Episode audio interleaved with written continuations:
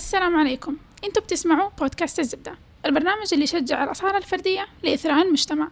نتحاور فيه مع ضيوفنا ونخرج لكم بزبدة خبراتهم ونلخصها في زبدة الزبدة. هذه الحلقة استثنائية من جميع النواحي. ضيف من طراز رفيع وفي مكان مختلف خارج الاستوديو وحضور هم من نخبة المجتمع. وصلتنا دعوة من مركز سيدان الثقافي للمشاركة في اليوم العالمي للتراث السمعي البصري. ضمن فعاليات مقهى سيدان الثقافي بإشراف الأستاذة أميم المزروعي. الدعوة كانت لنا ولمعداتنا لتسجيل حلقة مع ضيف يمثل عراقة الإرث الإذاعي في المملكة العربية السعودية. مركز سيدان الثقافي هو منصة للتبادل الثقافي وتداول المعرفة وتواصل الخبرات ضمن منظومة متكاملة من البرامج والفعاليات والمبادرات التي تعنى بالثقافة والفنون والريادة الاجتماعية. ضيف هذه الحلقة هو الأستاذ عدنان صعيدي مذيع متقاعد. عمل مذيعا ومارس العمل الصحفي كما عمل مساعدا لمدير عام إنتاج شبكة راديو وتلفزيون العرب ومشرفا على إذاعة نداء الإسلام.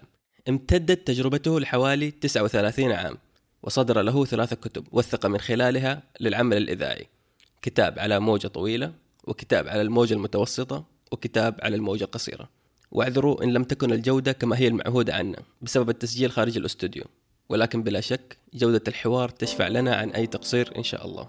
في الجزء الأول كان الحوار بيننا وبين الضيف وفي الجزء الثاني أتحنا الفرصة للحضور لمشاركتنا الحوار. سننشر الجزء الثاني في الشهر القادم إن شاء الله.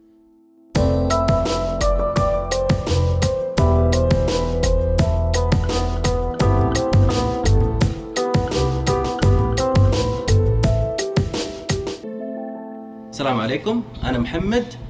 واليوم كان يوم طويل بالنسبة لي كيوم دوام. أهلا وسهلا بك وأنا عدنان صعيدي وبالنسبة لي اليوم هذا يوم سعيد. وأنا فاطمة بعرام وبإذن الله إني غير متوترة اليوم. نبدأ نسأل. أول شيء إيش كانت الإذاعة بالنسبة لك قبل ما أصلا بتدخل في المجال هذا من البداية من قبل؟ إيش كانت علاقتك بالإذاعة؟ ال- العمل التقني وهو نقل الصوت عبر لاقط إلى مكبر صوت فكان بالنسبة لي هذا عمل أو شيء سحري.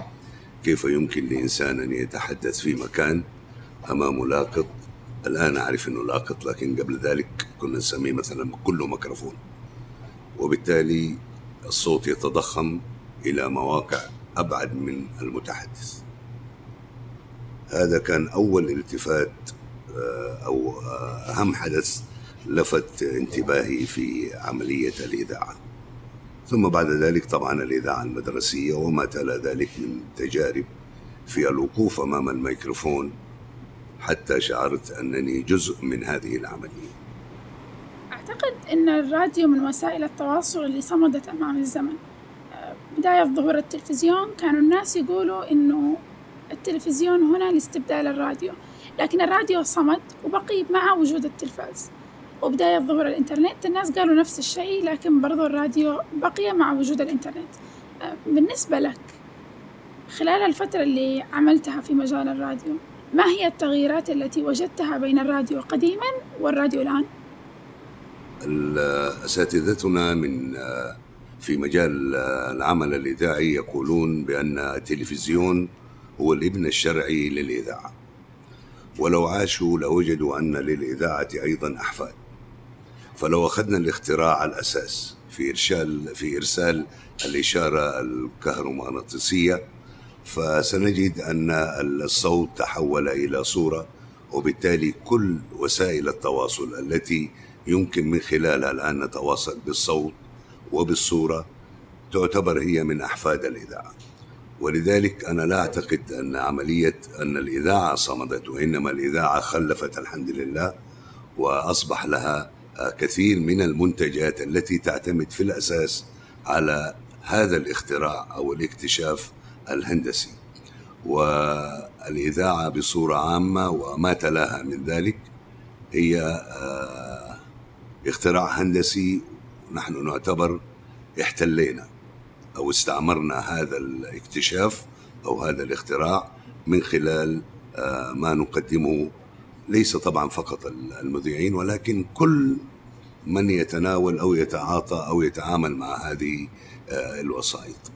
الإذاعة آه، بعد أن كانت مجرد إشارة آه، تلتقط من خلال أجهزة خاصة كما حدث في بدايتها من خلال اكتشاف ماركوني إلى الوقت الحاضر مرت بمراحل عديدة من ضمن هذه المراحل ليس فقط عملية الإرسال الإذاعي وتطوره إلى مسافات بعيدة جدا وإنما أيضا في عملية التسجيل وفي عملية البث وفي عملية استخدام اللاقطات وفي عملية استخدام الأوعية التي تحفظ ما يبث سواء كان آه، بالتسجيل على أشرطة أشرطة معدنية أو أشرطة بلاستيكية أو ما حدث الآن آه، من تقنية تسمى الديجيتال. فالتطور في الإذاعة ليس قاصرا فقط على موضوع التقنية ولكن أيضا في آه، الرسالة التي تحملها إلى الناس. آه، كان المهم في هذا أثناء الحرب العالمية الأولى والحرب العالمية الثانية على وجه الخصوص هو الاهتمام بالتحرك العسكري.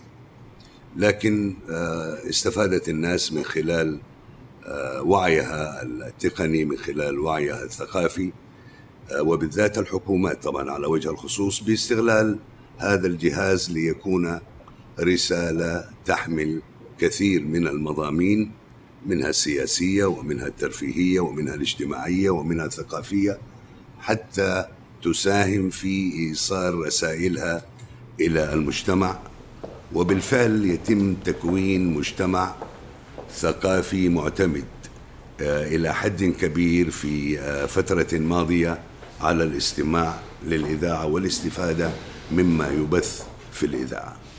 فالتطور لم يكن قاصرا فقط على الناحية التقنية وإنما شمل أيضا آه، المواد أو محتوى الرسائل الإعلامية التي يتم بثها هل تعتقد أنه اليوم في اختلاف في الطريقة التي ينظر إليها الناس للراديو عما كان سابقا؟ آه، بدون شك. آه، كان الراديو هو المصدر الوحيد بعد الكتاب وبعد الصحيفة المصدر الوحيد لربما التعلم للثقافة. لكن طبعا بالنسبة للترفيه كان موجود المسرح وبالتالي كانت الناس ربما تستقي آه، ثقافتها وتستقي أيضا أو تمارس ترفيهها من خلال آه، جوانب أخرى. آه، لكن في فترة ما على كل جوانب الحياة الإنسانية بسبب قوتها وسهولة آه، استخدامها ووصولها بسرعة ووصولها إلى مسافات آه، بعيدة جدا. آه، اختلف هذا الأمر بعد أن ظهرت وسائل متعددة في مقدمتها طبعا التلفزيون ساهم بشكل كبير جدا في نشر الوعي الثقافي السياسي نقل الحدث وكل ما مثلا ينقل إليه بما فيها الترفيه. لكن الإذاعة تظل آه، وسيلة مهمة جدا. أولا لأنها هي الأساس ثانيا لسرعتها وسهولة آه، الوصول إلى المستمع. آه، ولو حاولت كل الإذاعات أو بعض الإذاعات التي قد نعتبرها تقليدية. أن تتناول الجانب الحياتي اليومي بما يتوافق ويتناسب مع الناس سوف تكون حاضرة بصورة كبيرة جدا ولدينا تجارب آه، قريبة جدا ليست بالبعيدة. ربما تذكرون حرب الخليج الثالثة آه، كانت من أهم الأحداث التي لجأ آه، الناس فيها إلى الراديو لمتابعة الأحداث. فأهمية الإذاعة لن تنتهي وستستمر آه، وربما أيضا أتخيل وأتصور بل وأؤكد دائما على أنها ستكون الأفضل والأقوى لأنه لم يعد هناك لدى الناس متسع من الوقت آه، للجلوس أمام التلفزيون أو لقضاء وقت طويل للمشاهدة أو للقراءة وإنما الجميع بيحاول أن آه، يستمع أو يستفيد من جهاز الراديو وهو في السيارة وهو في العمل آه، وهو في غرفة النوم وفي المطبخ وفي كل مكان. وبالتالي ستكون الإذاعة هي الأسهل والأسرع. أضف إلى ذلك أن الإذاعة أو ساهمت التقنية الحديثة في نقل الإذاعة على التطبيقات الحديثة التي يمكن أن يتناولها الإنسان من خلال آه، الهاتف الذكي أو الجوال. طيب آه بما إني شوي متخصص من الناحيه الكهربائية شوي في الموضوع هذا فأحب أذكر اللي هو الراديو زمان. يعني إلى الآن موجودة لكن زمان كانت هي الشيء الأساسي والوحيد. اللي هو كنا بنلقط إشارات بتجي من لندن ومن فرنسا. ليش الآن مثلا شوي مختلفة صارت محلية أكثر؟ يعني الاف ام صار نطاق جدا ضيق. هل غير أصلا في طريقة تناولنا للراديو؟ بدل ما كان يعني مثلا للاخبار يجي من برا. صار بس مجرد للترفيه المحلي. طبعا الإذاعات العالمية اللي هي مثلا آه، هنا لندن أو البي بي سي الإذاعة الألمانية الإذاعة الأمريكية كل الإذاعات الغربية التي بدأت قبل الإذاعات العربية واستغلت الجهاز في إيصال رسائلها السياسية إلى العالم العربي. آه، كانت بتبث آه، بقوة وأيضا في نفس الوقت لم يكن المجال آه، متاح أو آه، مشحون بكل هذه الإشارات الكهرومغناطيسية التي يمكن أن تتداخل رغم التنظيم الهندسي الذي هو موجود لكن يظل هناك آه، في ازدحام شديد في الفضاء من الإذاعات. أضف إلى ذلك أن الدور الذي كانت تقوم به تلك الإذاعات أصبح في متناول الإذاعات العربية أو الإذاعات المحلية. التقنية أيضا لم تتوقف عند الموجة القصيرة والموجة المتوسطة والموجة الطويلة وإنما أصبح هناك دائما في بحث لموجات آه، تكون أسرع تكون أقوى تكون أصفى بحيث أنها تمكن المستمع من سماع الرسالة الإعلامية دون أن يكون هناك أي نوع من التشويش. لعلك تذكر إن كنت تذكر تلك المرحلة التي لابد أن يكون لجهاز الراديو أنتن أو آه، سلك ممكن من خلاله بالإضافة إلى إنك أنت تحاول تحط الراديو في مكان وفي هذا كده ترفع على على الهامش أن أحد السفراء للمملكة العربية السعودية اشتكى لوزاره الخارجية أنه لا يسمع الاذاعه السعودية ربما في لبنان على وجه الخصوص.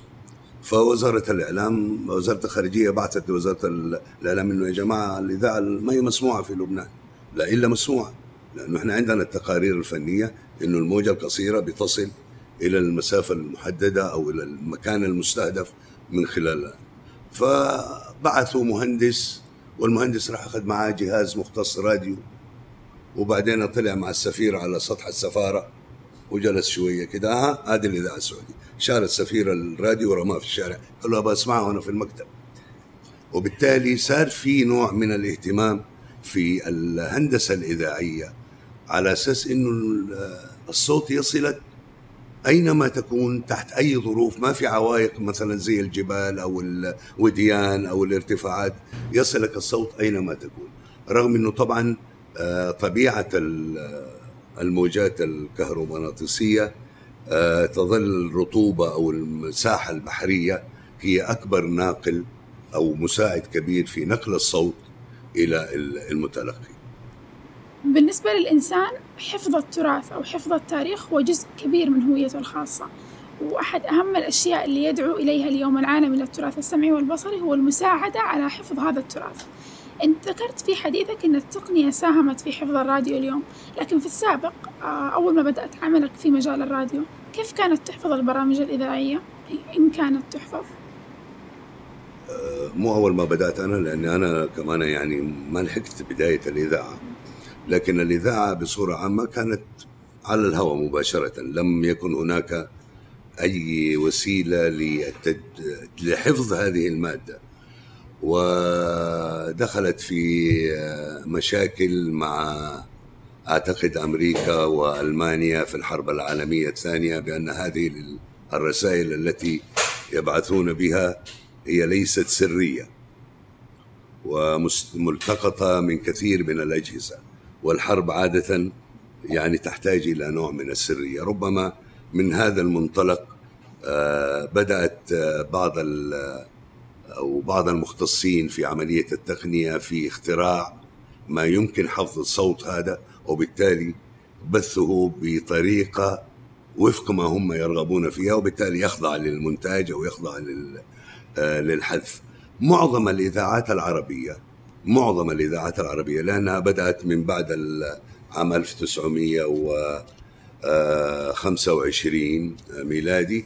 معظمها مرت بمرحلة البث المباشر دون أن يكون لديها أو آه، مواد آه، أجهزة تحفظ ما يبث على الهواء.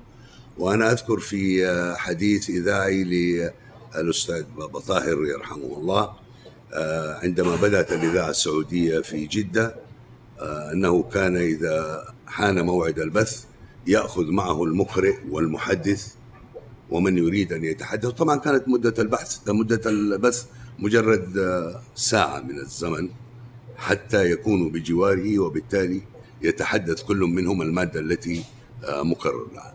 ثم عندما تم اكتشاف أو تم التوصل إلى الأشرطة التي بدأت بالأشرطة معدنية ثم بعد ذلك أشرطة بلاستيكية ولكنها آه، بتحتوي على ذرات آه، حديد يمكن من خلال ال- ال- المغناطيس برمجتها أو بالأصح رسم الصوت والموجات الصوتية داخل هذا الشريط ويستخدم من خلال آلة تسمى آلة العرض.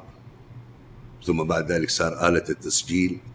ثم بعد ذلك صار آلة الحفظ وأيضا المسح. ولذلك إذا نظرنا إلى الأجهزة التقليدية سواء الكاسيت أو الأشرطة الريل اللي نقول عليها كنا نستخدمها في الإذاعة بتلاقي على الجهاز يمكن ثلاثة رؤوس آه، رأس للعرض رأس للتسجيل رأس للمسح. وبالتالي عندما تريد أن تعرض مادة وتضغط على الت- التشغيل بيظهر رأس فتلاقي الشريط مرتفع عن ال عن ال أيوه عن السير المخطط له. وهكذا بالنسبة للتسجيل وبالنسبة للمسح. آه، هذا أدى إلى تكوين ما يسمى بالمكتبة الإذاعية. وأنا كان من الأشياء الملفتة لانتباهي عندما التحقت بالعمل الإذاعي كلمة مكتبة إذاعية. لأني كنت أعتقد أن المكتبة تطلق على مكتبة تحتوي على كتب. ولكن آه، المكتبة الإذاعية تحتوي على كل المواد الإذاعية آه، التي يراد بثها. ثم بعد ذلك آه، التي يراد الاحتفاظ بها. لأنه كما قلنا إنه مثلا الحرب العالمية الثانية آه، اكتشف ال- المحاربون أن رسائلهم لم تعد سرية ويمكنهم بثها مرة أخرى من خلال معالجتها وحذف ما يمكن حذفه أو ما شابه ذلك. أيضا هو نفس الموضوع بالنسبة آه، للعمل الإذاعي إنه آه، تسجيل مكن ال- الإذاعات من الاحتفاظ بما يمكن أن تبثه وفي نفس الوقت أن تبث ما تريد أن تبثه ما عدا بعض الأمور التي اقتضى الحال كالأخبار أن تكون آنية رغم أني أعتقد أن أنها أيضا مرت بمرحلة تسجيل لكن تسجيل لم يكن طويل. آه، يعني ممكن قبل ساعة قبل نصف ساعة يتم تسجيل النشرة وبالتالي يمكن بثها لكن تجاوزوا بعد ذلك وأصبحت ال- نشرات الأخبار والصحف والمواجز أيضا على الهواء لكنها تسجل وهي على الهواء حتى يتم الاحتفاظ بها أو مراجعتها فيما لو أن لزم الأمر أن يكون هناك مراجعة لما لما بثته الإذاعة. الآن طبعا يعني إحنا دخلنا أو كل الإذاعات لكن بالنسبة للإذاعة السعودية آه، دخلنا تجربة البث المباشر في البرامج حتى لغير الأخبار وأقوال الصحف منذ عام آه، 1419 هجرية أحسبوها بالميلادي آه، وبالتالي أصبح هناك رغبة كبيرة جدا من آه، العاملين في الإذاعة أن تكون برامجهم تبث على الهواء مباشرة. لكن من قواعد أو نظام العمل الاذاعي أن يسجل كل ما يبث. وهذا طبعا جانب آه، أمني جانب آه، فني يمكن من خلاله من خلال ما يسجل. الأشرطة ال- ال reel انتهى عصرها في معظم دول العالم ولا أعرف إذا كان حتى الآن في إذاعة عربية آه، ما زالت تستخدم هذا النظام.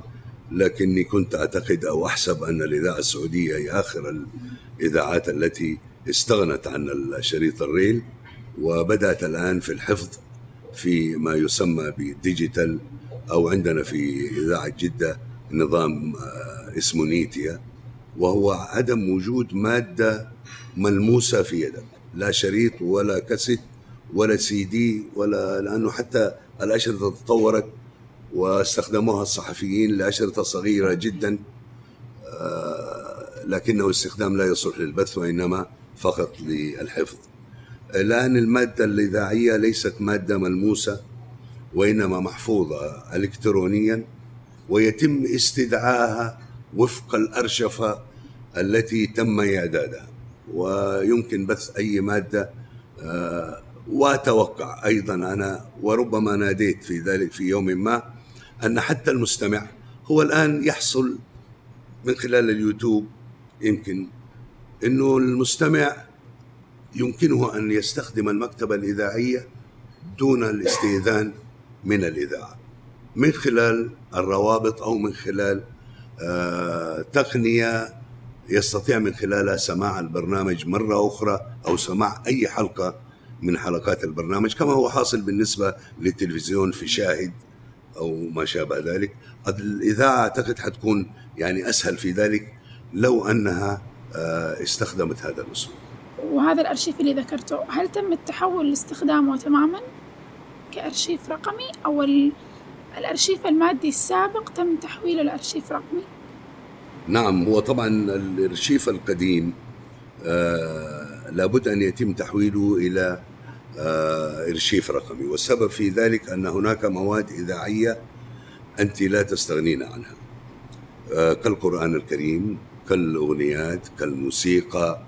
آه إذا أردت أيضا أن تسترجعي ذاكرة الوطن من خلال برامج تم تسجيلها إما في أحداث أو مع شخصيات وبالتالي أنت تحتاجي أن يكون لديك آه، إرشيف كبير جدا للعمل الإذاعي. حتى لو أردت أن تستحدثي الآن إذاعة فأنت بحاجة إلى إرشيف إذاعي. آه، حتستعيني به من خلال آه، استعادة هذه المادة أو الاستشهاد بها على الحدث الذي يمكن أن يكون حادثا أو واقعا في الوقت الحالي. معظم آه، آه، موادها التقليدية أو المواد الإذاعية التي كانت محفوظة في أشرطة أشرطة الريل كانت تأخذ مساحات. يعني في إذاعة جدة أنا أعتقد في عندنا كان ما يقرب من أربعة مستودعات لهذه الأشرطة. أيوة كيرشيف وطبعا العمل الإذاعي أو العمل التقني المتقن يستدعي أن لا يكون هناك على الشريط أكثر من مادة وإنما مادة واحدة. فأنت ربما تسجلي مادة مدتها ثلاث دقائق على شريط مدته ربع ساعة وبالتالي يتم حفظه وفق المعلومات التي تدون عليه. آه، فتأخذي مساحة كبيرة جدا آه، بالإضافة إلى عملية الحفظ للأشرطة تحتاج إلى آه، مناخ أو جو خالي من الرطوبة والحرارة أو الرطوبة تكون في نسبتها مناسبة. الحرارة دائما بتذيب الأشرطة أو قد عندما تحط الشريط تسمعيه تلاقي مو كله تسجيل فحفظها يحتاج إلى مكان مخصص حتى يتم آه، من خلاله استعادة هذه. طيب آه حفظها لاستعادتها هل تعاد هل يعاد بثها كذا مرة؟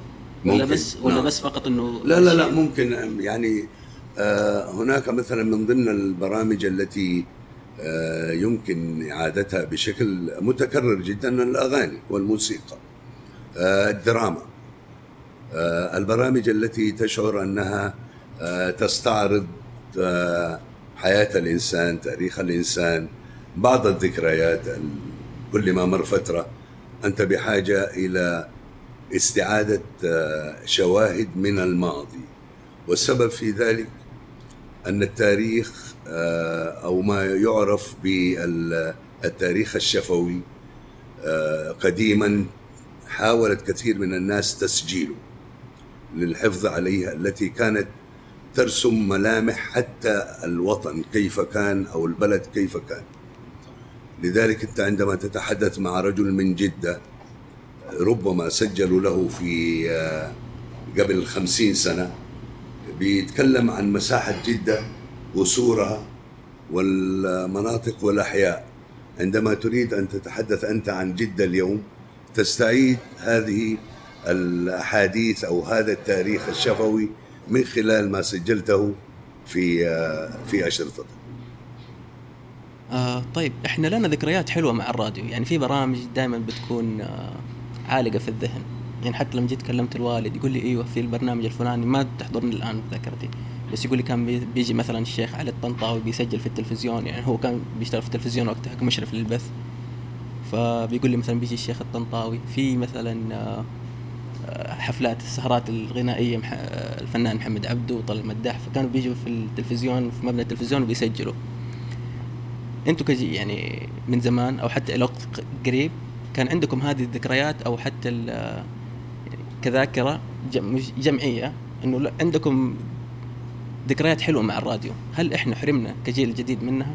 لكنكم وجدتوا التعويض في الوسائل في تناولكم للوسائل الحديثة. آه، أنا أيضا ربما مثل والدك آه، كان مما شدني للإذاعة هو وجود هذه البرامج. وهذه الشخصيات التي كانت آه، تقدم علمها تقدم فنها تقدم حكاياتها من خلال الراديو كما ذكرت في مقدمتهم الشيخ علي الطنطاوي رحمه الله. كان هناك مسرح للإذاعة. كانت يعني كثير من الناس ينتظروا هذا المسرح الذي يقدم لهم نجوم الفن في المملكة العربية السعودية. أنا ممن تأثر بهذا الأمر لدرجة أنني عندما التحقت بالإذاعة حرصت على سماع أربع مواد مباشرة من خلال الشريط التي كنت أسمعها قبل أن ألتحق بالإذاعة ومنها مثلا مسلسل عنتر بن شداد. كان صوت عنتر بن شداد ملفت لي بشكل كبير جدا. فأنا يعني ظل في ذاكرتي لفترة طويلة جدا عندما كنا نجلس في البيت ونستمع في موعد محدد إلى هذه المسلسلات عنتر بن شداد آه، الصقر مش آه، مسلسلات كثيرة جدا. وبالفعل طلبت الشريط وسمعته لقيت إنه 50% من الإعجاب راح. لأنه كنت طفل وسمعت ال أحد أيوه أحد الأشياء برضو اللي أنا مثلا آه، حرصت على سماعها وأربع مواد. أذكر منها أيضا مادة آه، غنائية لجسيس اسمه آه، سعيد أبو خشبه ربما سمعته آه، ابتهال رباه. أداة طبعا محمد عبده وكثير من الآلي لكن هذا الفنان آه، أنا لم أشاهده في مكة. توفي وأنا صغير. سمعت حدث وفاته. وسمعت قديش الناس كانت تتحدث عن هذا عن هذا الرجل أنه يمتلك يعني صوت آه، جميل جدا.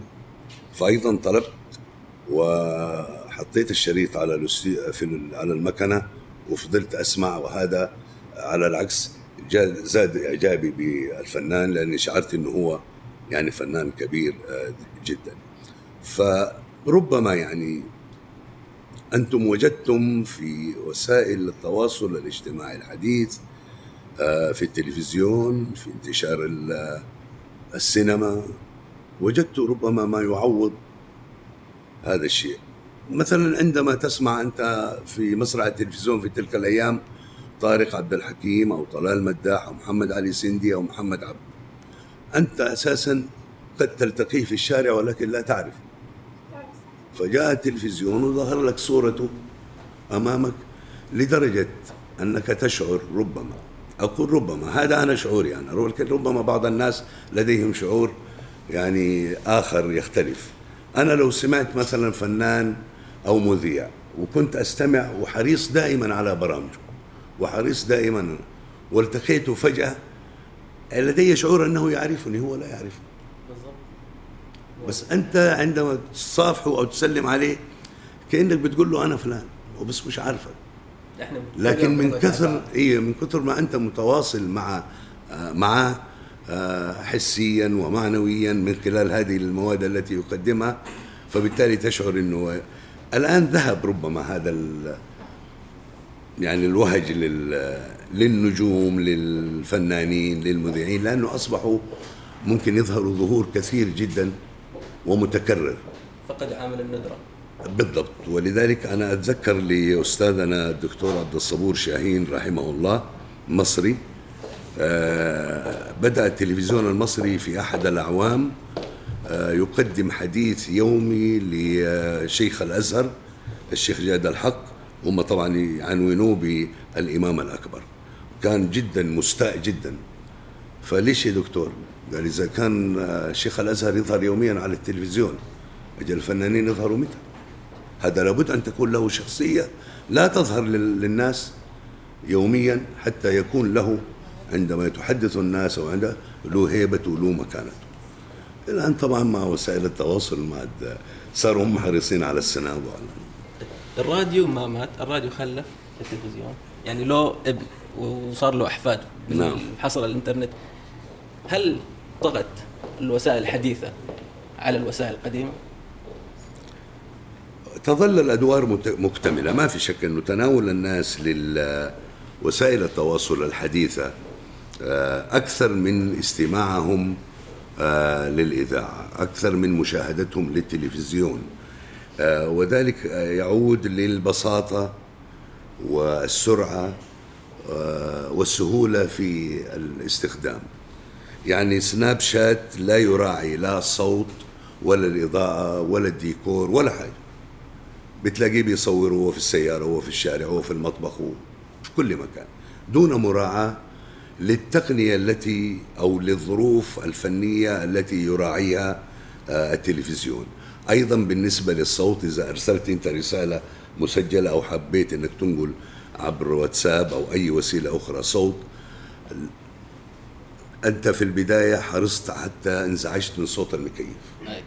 بينما هم ممكن يسجلوا أو يرسل الصوت هو في يعني كم كبير من ال- الضوضاء. الضوضاء ولا لأنه أصبح حريص على وصول المعلومة أكثر من جودة الصوت أو جودة الأداء الفني لهذه الوسائل.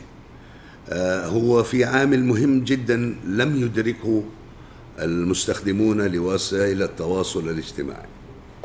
الحديثة وهو أن الرسالة الإعلامية لابد أن تصل إلى المستقبل دون أن يكون هناك أي نوع من التشويش الذي قد يلفت أو بالأصح يصرف انتباهك عن الرسالة الأساسية التي تريد إيصالها للمستقبل وبالتالي يلتفت إلى الصوت ال- المزعج أو إلى الصورة الخلفية. ولذلك الآن ربما كثير منا عندما يشاهد آه، نشرات التلفزيون في القنوات ال- الحديثة وهم بيطلعوا آه، في خلفية آه، إدارة الأخبار المحررين اللي راحوا. فتلاقي في كثير من المشاهدين يتابع اللي بيتحرك وإذنه ما هي مع ولا عينه مع مع المذيع ولا مع الحدث.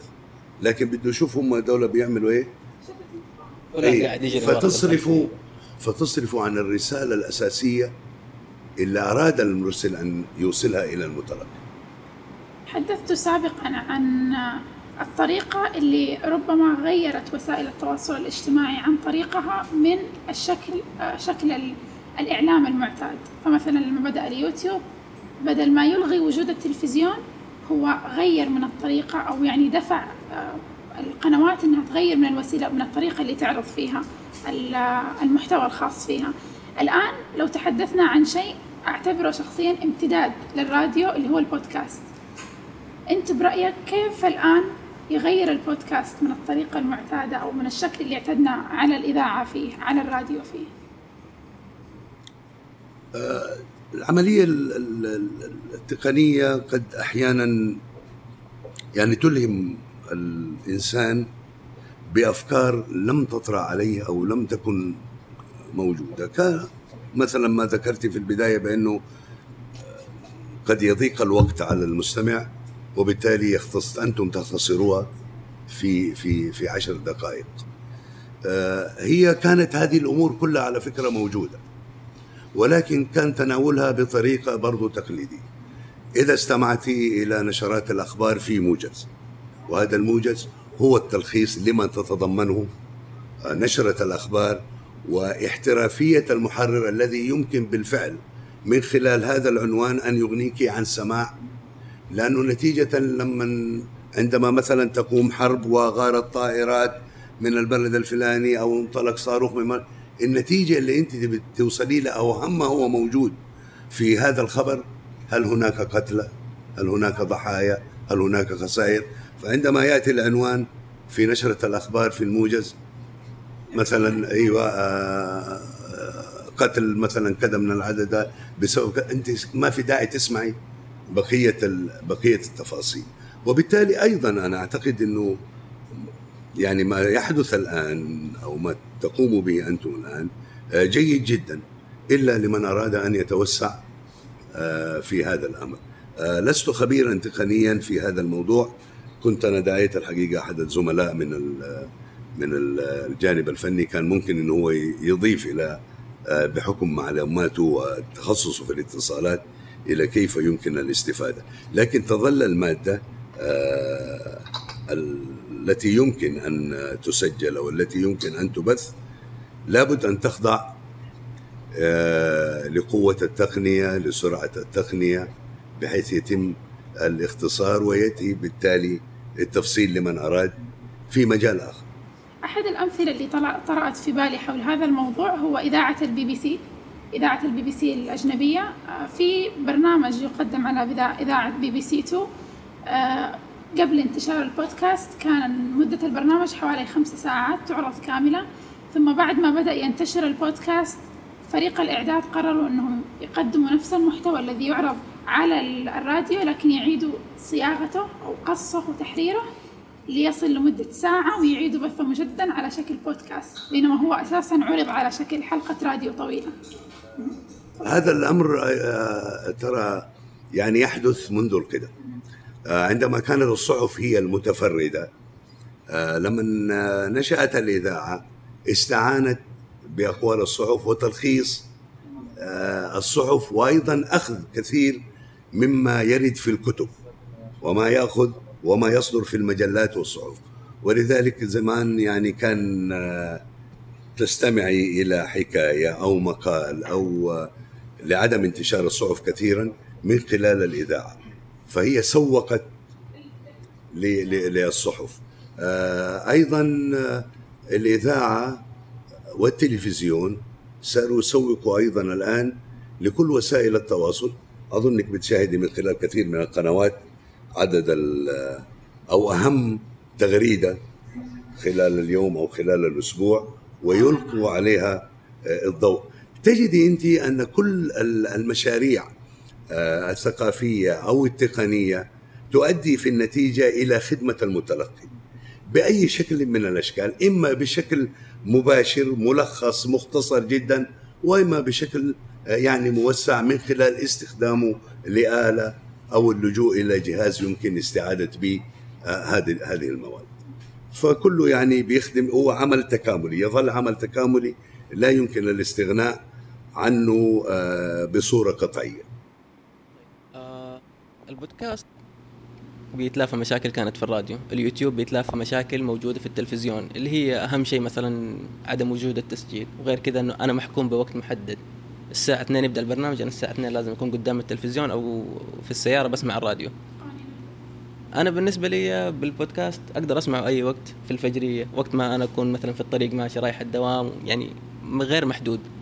يعني في أشياء كثير البودكاست واليوتيوب بيتلافوها من الإعلام التقليدي أو إذا نحب نسميه إيش في مشاكل ظهرت من هذه التقنيات الجديدة؟ بغض النظر عن وسائل التواصل الاجتماعي مثل سناب شات وواتساب يعني هذه موضوع هذا ثاني شوية. لكن اليوتيوب مثلا إيش ال... إيش المشاكل اللي ظهرت فيه مختلفة أو كانت محكومة أكثر في التلفزيون والراديو؟ والله شوف أنا يعني لست على اطلاع كامل أو تعاطي بشكل آه، كبير جدا آه، لكل وسائل التواصل الحديثة. يظل الأمر متعلق بالمتلقي الذي يحرص على ماذا؟ وربما هناك متلقي لديه حساسية كبيرة جدا وملاحظة بحيث إنه يدقق في كل ما يبث وأعتقد إنه لو كان كده أفضل لو كان كده لا أنا هذا الأمر ما يناسبني. يتوقف على المتلقي. المتلقي إذا وصلته أنا أعتقد أن المتلقي إذا وصلته المعلومة الأساسية هو ليس بحاجة إلى أن أو أن لا تكون هناك في الوسيلة عيب كبير جدا. طالما أنها استطاعت أن توصل المعلومة بشكل صحيح.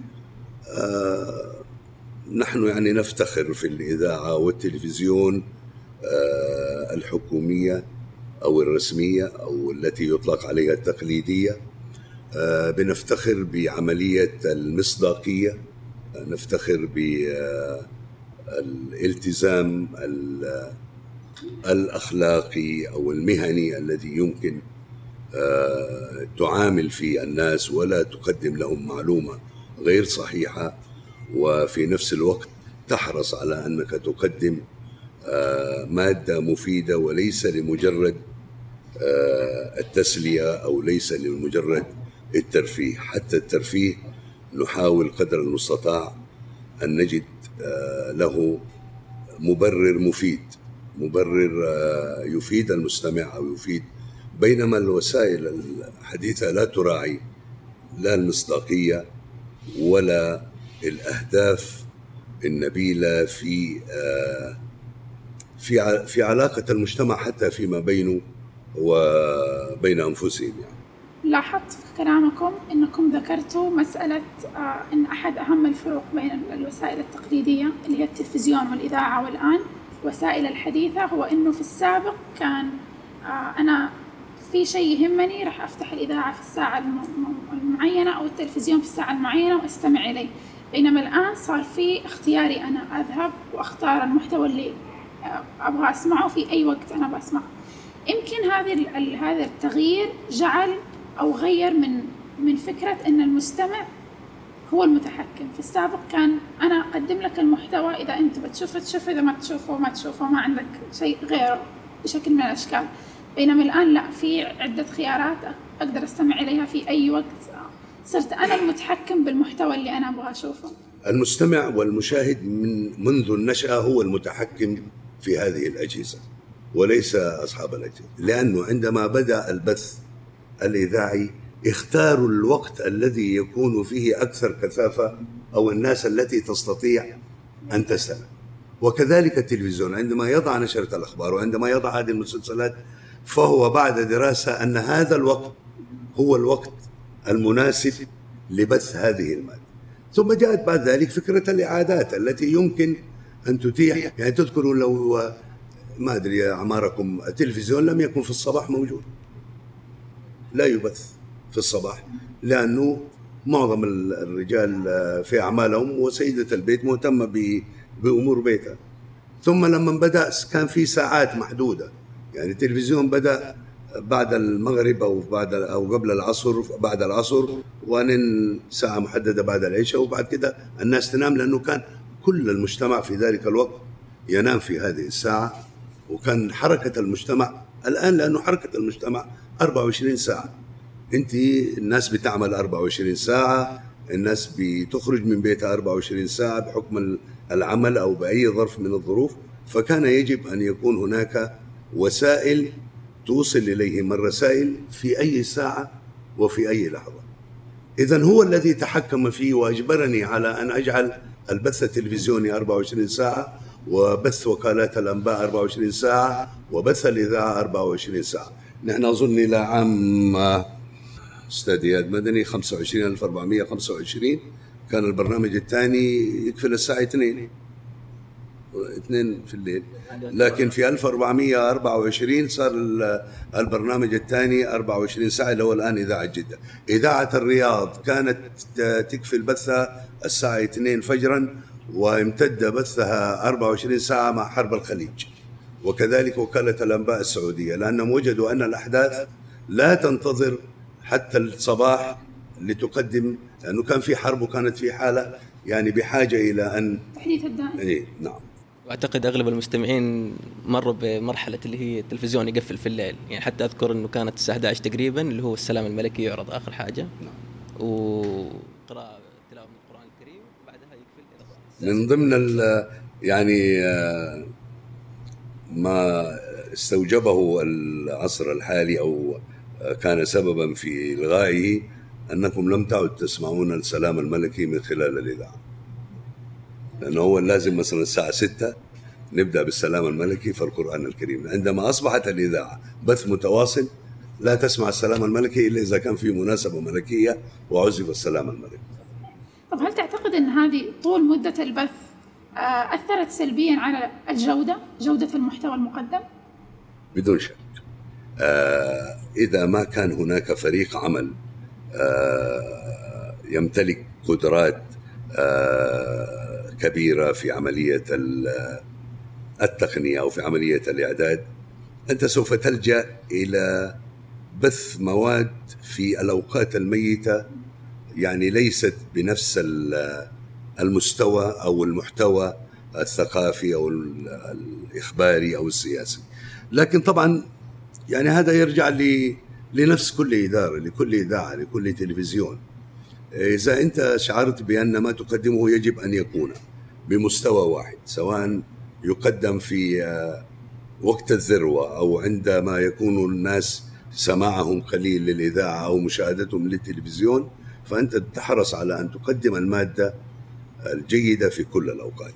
آه، استغنينا أو كل الأجهزة استغنت عن وجود مواد حديثة في الأوقات التي يكون فيها نسبة المشاهد أو نسبة المشاهدين أو المستمعين قليلة بإعادة المواد التي تم بثها في الأوقات الجيدة. وقد يصل المسلسل أو قد يصل البرامج إلى ثلاث مرات يعاد في الأسبوع. بحيث أنه يمكن كل وبنفس الجودة وبنفس ربما في الأول كان هذا الموضوع يعني ما عندك مشكلة لكن الآن أنا أعتقد بقدر ما استسهل بعض من أعضاء المجتمع أو من الناس آه، عدم الدقة فيما يبث من خلال وسائل التواصل. لكن هناك كثير جدا من الناس حريصة على سماع المادة الجيدة آه، وفق المعايير الفنية الموضوعة أساسا من قبل الإذاعة والتلفزيون وأيضا بالنسبة للصحف قراءة المقالات أو ما ينشر في الكتب نفس الحكاية. والآن ننتقل إلى فقرة الزبدة. صراحة إحنا بعد الحوار اللي تكلمناه كله بعد هذه الأمسية كاملة أنا شخصيا قررت إن إحنا نلغي فقرة الزبدة. لا حاجة لنا لاختصار أي من الكلام الرائع اللي شاركتوه كله في مجرد خمسة أو عشر دقائق لأنكم جميعا الحوار اللي قدمتوه الحديث اللي قدمتوه كله مهم واللي حاب يسمعه يا يسمع الحوار كله يا لا. يعني عذرا لكن هذه المرة لا توجد زبدة.